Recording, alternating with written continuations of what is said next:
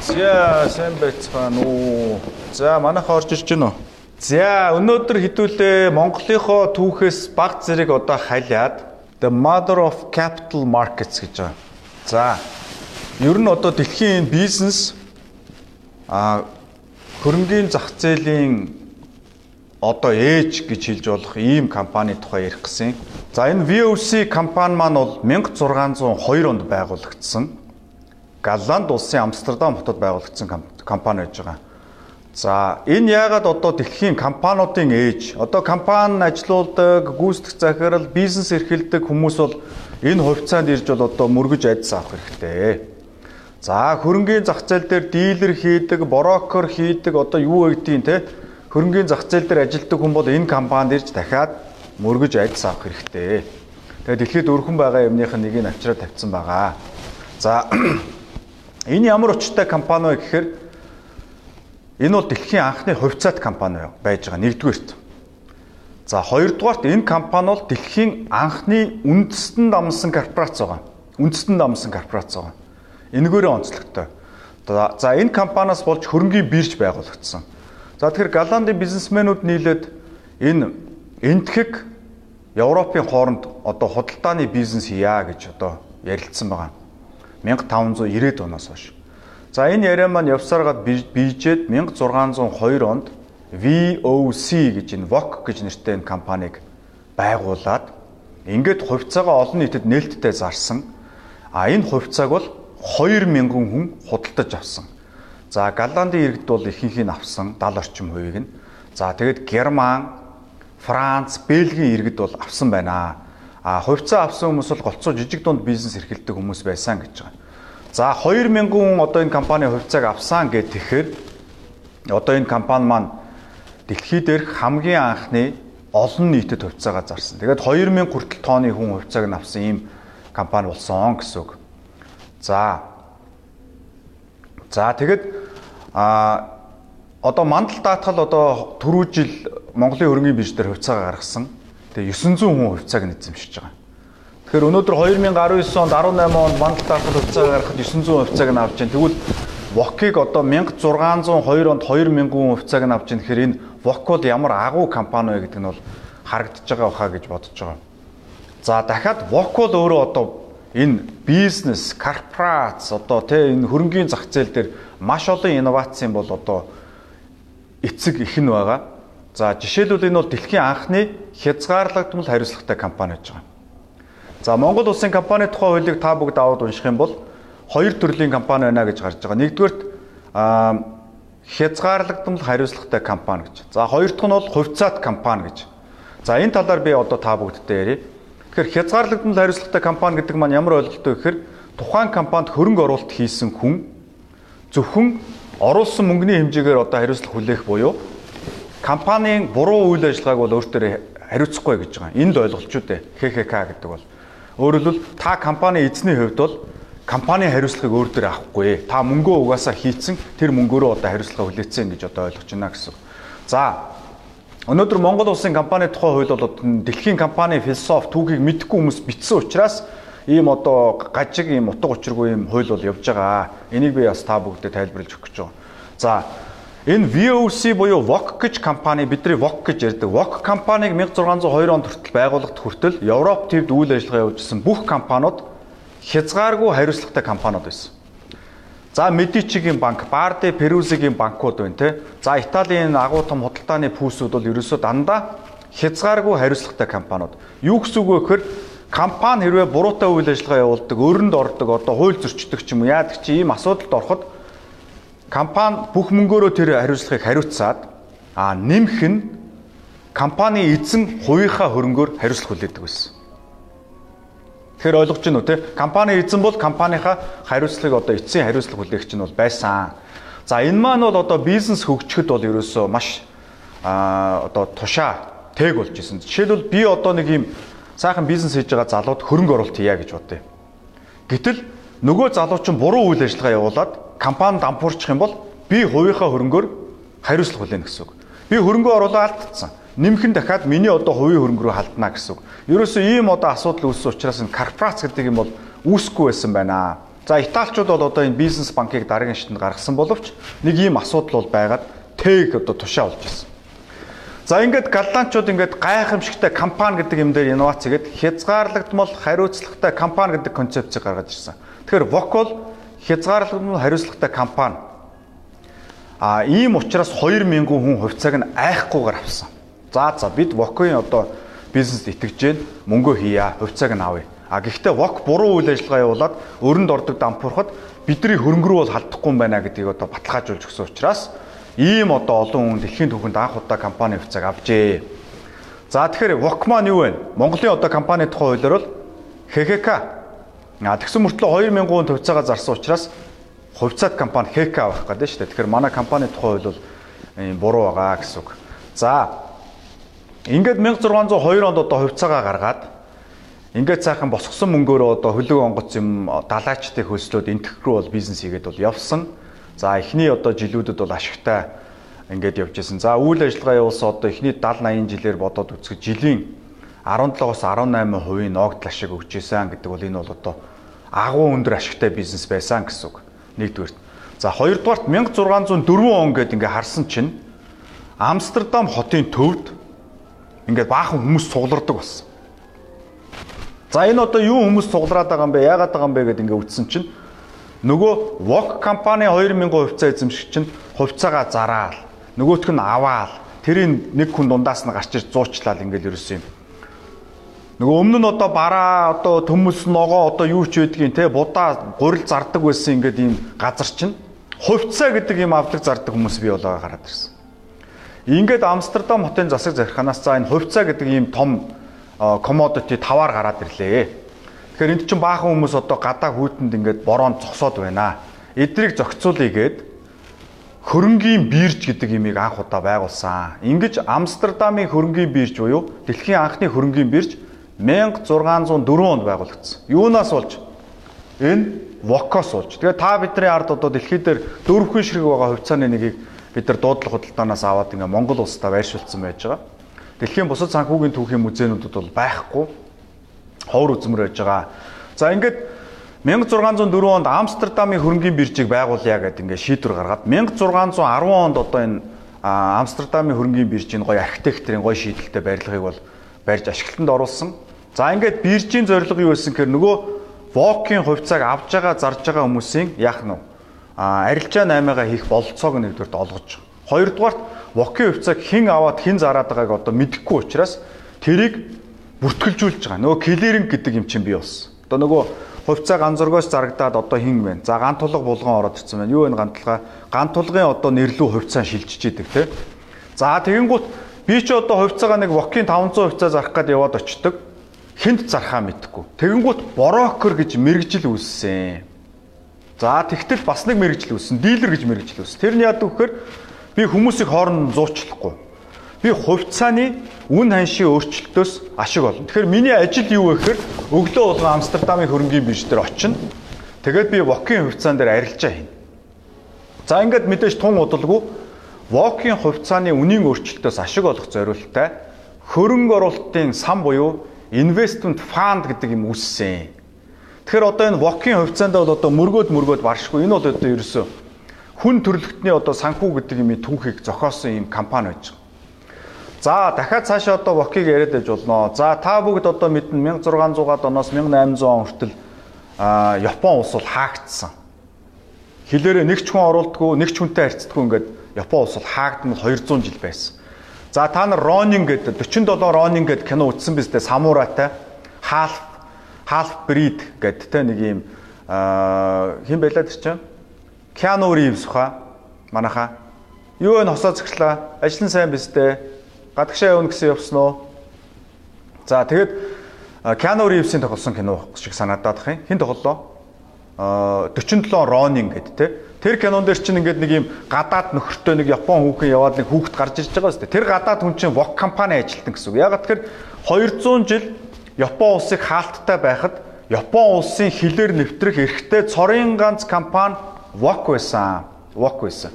За тэгээд энэ Wok компани яадаг байсан гэхээр Хятадаас торг шаазан идэл аваад онгоцондоо ачаад Японд аваачаад тэрийгэ зараад а мөнгө олгодог байсан. Одоо мөнгө гэдэг нь одоо мөнгөн гулдмаа. Мөнгөн гулдмаа. За тэгэхээр Япон бол маш их одоо мөнгөний ордтой. Гэхдээ өөрөө одоо тэр торго морго шаазан энэ төр бол хятадаас авдаг байсан. Тэрийг нь хэн зардаг байсан бэ? Вок зардаг байсан байна. Том Круз тоглосон юм биш үү? Заавчлаар Том Круз. За ингээд Японоос аваад хятад хятадаас шаазан торго аваачаад Японд зараад Японоос гулдмай мөнгө аваад тэр мөнгөө аваачаад энтгэгт аваачаад энтгэхээс халуун ногоо за бас энтгэхийн одоо хөвөн даавуу нэхмэл одоо энэ гоё бараа ямиг нь аваачаад Европт зардаг. За Итали Европт бол одоо халуун ногоо маш их эрэлттэй байсан. За Шри-Ланкийн цай байна тий. Тэгээ Вокман явандаа одоо энэ орчин үеийн Каргил Маргил гэх том босоо интеграц хийсэн ашсар том корпорацууд худалдааны. За энэ шиг яасан бэхээр энтгэхт бол одоо юм плантацууд фермүүд байгуулж гисэн. Энэ фермүүд бол цай тариална. Энэ фермүүдэд бол одоо халуун ногоо чинжүүг тариална. За ингээд тэнд нь бол олон үндэсний хүмүүс ажилладаг. За ингээ 1602 онд байгуулагдсан компани. 1604 онд энэ компаниас болж хөрөнгөний бирж байгуулагдсан. 1610 онд энэ компаниас болж брокер, дилер, хөрөнгө оруулалтын сан гэдэг мэрэгжил байгуулагдсан.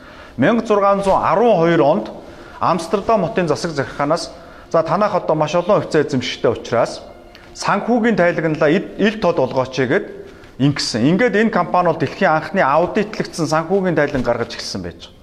Энэ компани хувьцаанаас болж дэлхийн анхны хувьцааны арилжааны сурах хүчиг гарсан. Confusion de Confucianes гэдэг одоо латин хэлээр бичигдсэн ийм хувьцааны арилжааны номыг Амстердам хотод ажиллаж амьдарч исэн еврей нөхөр бол бичсэн байна.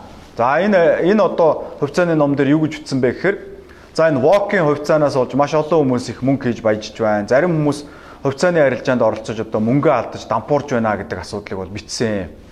За дахиад одоо зарим одоо компани хувьцаа эзэмшнэр компани гүйцэтгэх удирдлага төлөөлөл удирдах зөвлөлийг бол шүүмжилсэн. Та нар одоо мэдээлэлээ ил тод өгөхгүй байна. Ашиг сонирхлын хилцэлтэй юм хийгээд байгаа юм биш үү? Та нар одоо цаанаа л өөр хийгээд байгаа юм биш үү гэдэг. Инээс болоод төлөөлөн удирдах зөвлөл буюу корпорацийн засаглал гэдэг одоо энэ цоошин концепц WOC гэж компаниас болж дэлхийд анх бий болсон. За ингээд бодохоор энэ бол одоо 10 жилийн болон их сургуулийн түүхийн хичээл дээр бүр орхоор барахгүй бүр дипломын ажил болгож бичих ёстой ийм том сэдв гэдэг нь ойлгомжтой байна. Вокийн түүхийг ойлгоход та хувьцаат компани гэж юу юм? Хязгаарлалтын хариуцлагатай компани гэж юу юм те? Хөрөнгийн бирж гэж юу юм? Хөрөнгө оруулалтын сан гэж юу юм? Корпорацийн засаглал гэж юу юм? Хувьцааны үн ханшийн хөдөлгөөн гэж юу юм гэдэг бүх ойлголтыг нэгэн зэрэг авах боломжтой. Ийм л учраас санхүүгийн түүхийн музей гэдэг бол санхүү гэж энэ хүнд хэцүү ойлголтыг түүхэн одоо бодит энэ үзмөртэй нь одоо уйж тайлбарлах ийм зорилготой шүү дээ. За ингээд 1670 он гэхэд одоо байгуулагдсанаас хойш 68 жилийн дараа Вок компани маань 50 мянган ажилтнтай дэлхийн дөрвөн төв дээр үйл ажиллагаа явуулдаг 200 худалдааны хөлөг онгоцон дэлхийд даяар хэрж те Японоос мөнгө, Хятадаас одоо торог дурдан За энтгэхээс цай одоо халуун ногоо. За Европоос одоо ноос, Англиас ноос, а юунаас Египтээс одоо хөвөн даав гэдэг одоо бүх худалдааг атгадаг дэлхийн анхны үндэстэн дамсан авраг корпорац болж хувирсан. 10 мянган цэрэг бүхий айрамтай байлдааны олон арван хөлөг онгоцтой одоо ийм улс болсон. За Магелланы хоолой гэж байна. Магелланы хоолой хэн нээсэн бэ? Вокийн далайчид нээсэн. Индонез Ява арлыг хэн байгуулсан бэ? Wok байгуулсан. Газар зүүн одоо энэ одоо энэ Сингапур те одоо Филиппин энэ бүх арлуудын судалгаа хэн хийсэн бэ? Wok хийсэн. Түүхийн хичээл дээр бид нар тэгж үздэг бай. Vasco da Gama л гэж үздэг. Vasco da Gama гэл нэг далайч нөхөр яах нь завинд суугаад одоо дэлхийг судлах гад явсан юм шигээр ингэж бидэрт худлаа түүх зааж ирлээ. Vasco da Gama чинь Wok-ийн далайчин ажилтан хүн байгаад байгаа байхгүй юу?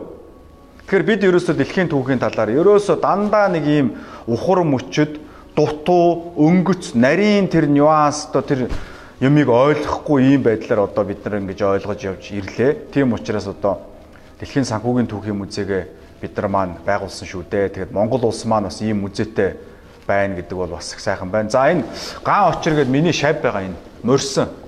Хай андаа хэдээс эхлэх вүлээ гинэ Би ган очтой цуг лайв хийсэн. Тэгсэн ингээ 8 цаг өнгөрч жахад хаа андаа хэдээс эхлэх вүлээ гэдэг гинэ. За тэгэхээр хэлсэн. Уучлаарай та хоцорсон байна. За тэгэхээр walk-ийнхоо хувьцааг дахиад нэг хэдүүлээ харж энэ шилэнд ойгоод их юу ах шиг байна. За энэ бас зарим үзэж байгаа хүмүүстээ хэлэхэд Вокийнхоо хувьцааг бол гурван давхарлсан цун нэвтрдэггүй юм шилэн хоргонд хийж хамгаалсан байж байгаа. За харагдаж байна уу?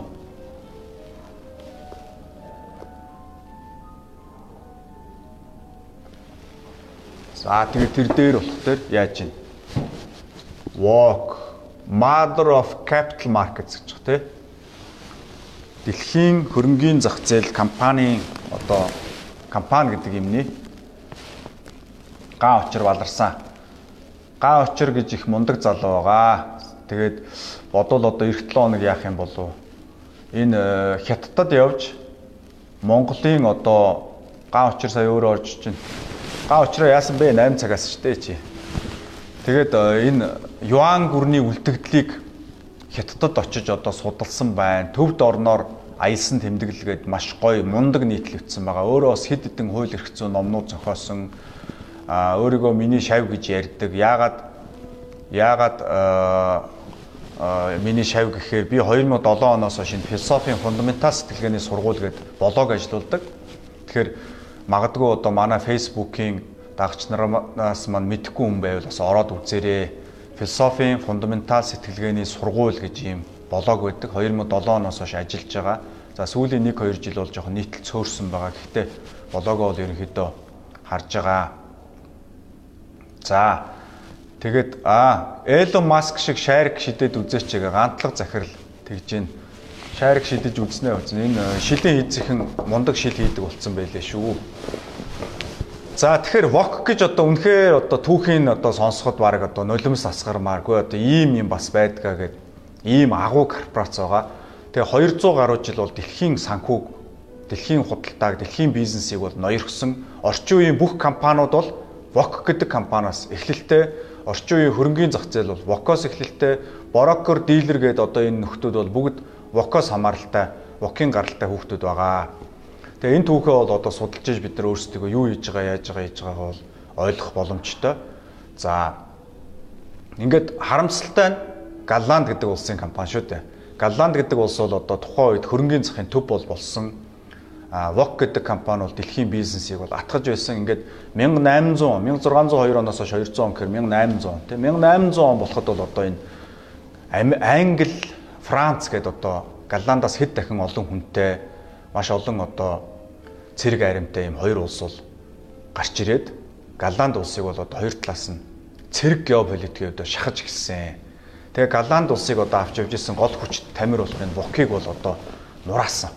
Үндсэнд нь бол ингээд 200 гаруй жил ажиллаад энэ компани маань бол харамсалтайгаар бол хаагдсан.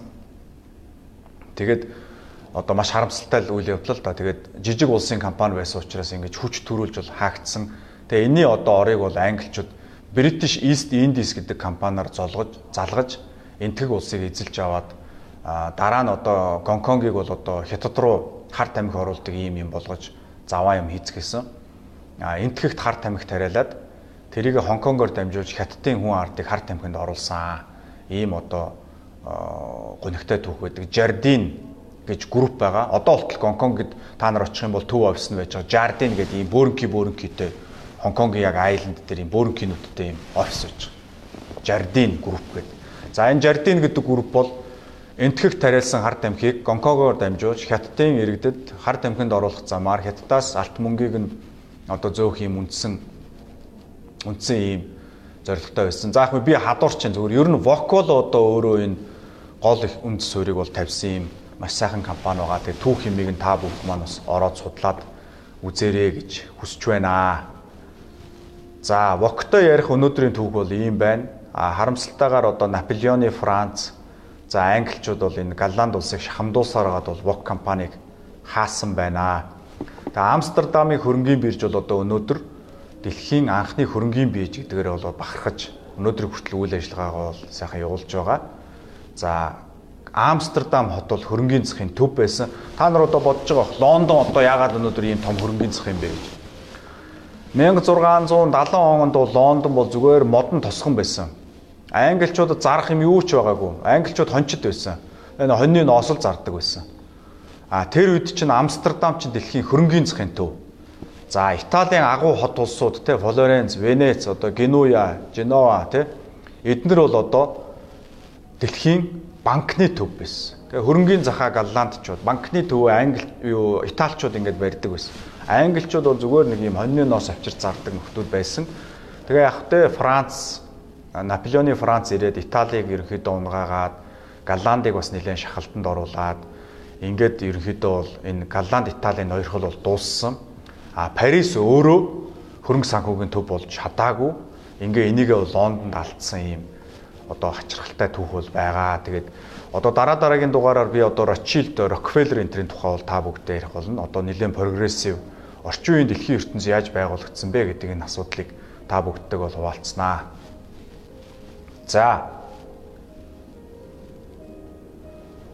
За. За санаа оноо юу вэ? Ганц хоёр санаа оноо аваад за айраг майрга ууч нь өнчтөө өвөл мөвөл болоход болох дээр одоо яахан айраг зарж ийн гэл гадуур байгаа л уул. За хоцорж орж ирж байгаа хүмүүс эхнээс нь яана үзээ. Нөхөд үзэж чинь үздээ. Нэг үе бодвол хүмүүс гар дээр мөнгөтэй байдаг болчихжээ. Хувьцаа авъя гэхэд манай хөрөнгөний зах дээр яг юу нь болохгүй байгаа юм бэ гэж. За хөрөнгөний зах дээр бол хоёр төрлийн компани гарч ирдэг ээ.